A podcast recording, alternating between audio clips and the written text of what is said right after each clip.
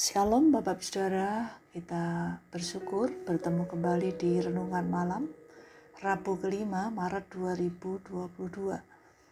Mari kita tetap setia untuk meluangkan waktu memperhatikan relasi kita dengan Tuhan.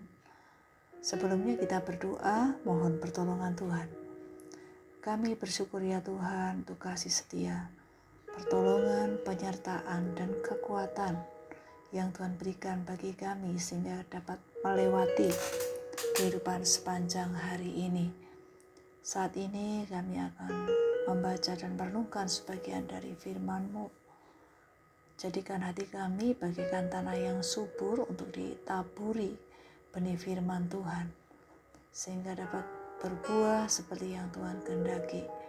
Jadikan kami anak-anak Tuhan yang dengan rendah hati menerima nasihat, perintah, serta mentaati kebenaran firman-Mu. Dalam nama Tuhan Yesus kami berdoa. Amin. Mari kita memperhatikan dari kitab 1 Petrus pasal 1 ayat 10 hingga 12. Demikian firman Tuhan. Keselamatan itulah yang diselidiki dan diteliti oleh nabi-nabi yang telah bernubuat tentang kasih karunia yang di untukkan bagimu.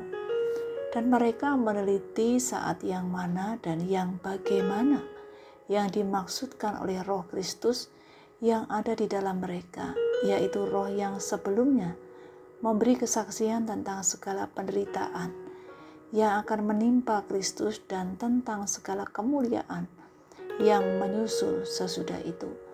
Kepada mereka telah dinyatakan bahwa mereka bukan melayani diri mereka sendiri, tetapi melayani kamu dengan segala sesuatu yang telah diberitakan sekarang kepada kamu dengan perantaraan mereka yang oleh Roh Kudus yang diutus dari surga menyampaikan berita Injil kepada kamu, yaitu hal-hal yang ingin diketahui oleh malaikat-malaikat.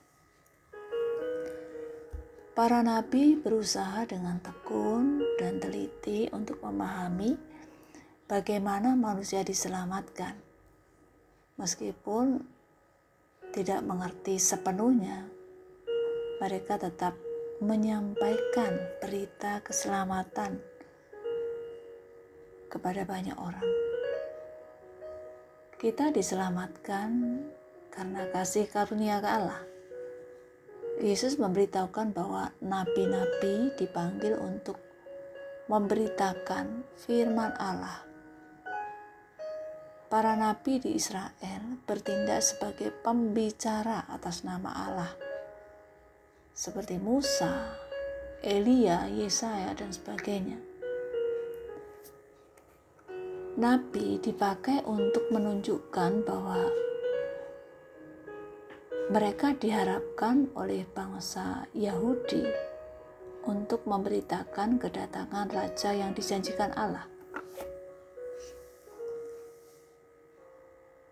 Roh Kristus ada dalam diri para nabi dan yang sebelumnya telah berbicara mengenai penderitaan yang akan dialami Kristus dan kemuliaan yang akan datang setelah penderitaan Kristus. Para nabi ingin mengetahui siapakah juru selamat yang akan datang.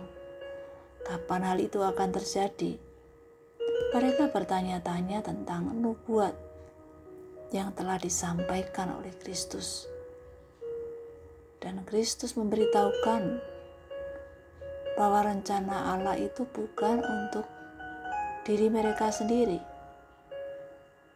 Rencana Allah bagi mereka adalah supaya melayani. Rencana Allah bagi para nabi adalah supaya membuktikan kebenaran yang sudah mereka dengar dengan pertolongan Roh Kudus.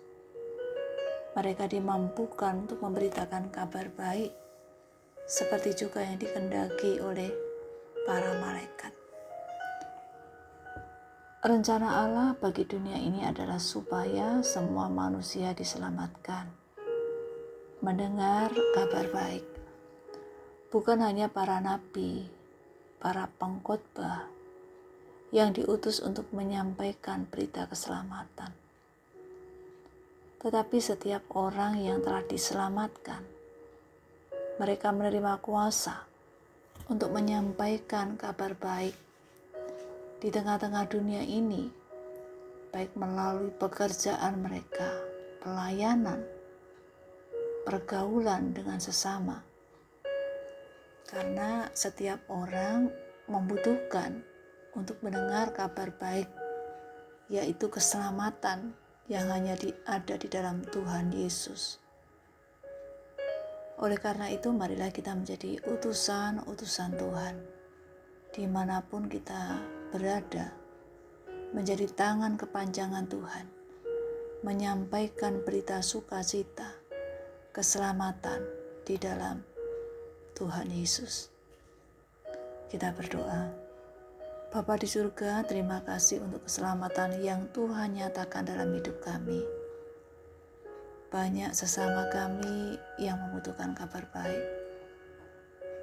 Perlengkapilah kami dengan hikmat, keberanian, dan pakailah kami ya Tuhan untuk memberitakan kabar baik melalui studi, pekerjaan, keluarga, pelayanan, dan sebagainya. Bapa, kami menyerahkan istirahat malam ini dalam anugerah Tuhan dan pemeliharaan Tuhan yang sempurna.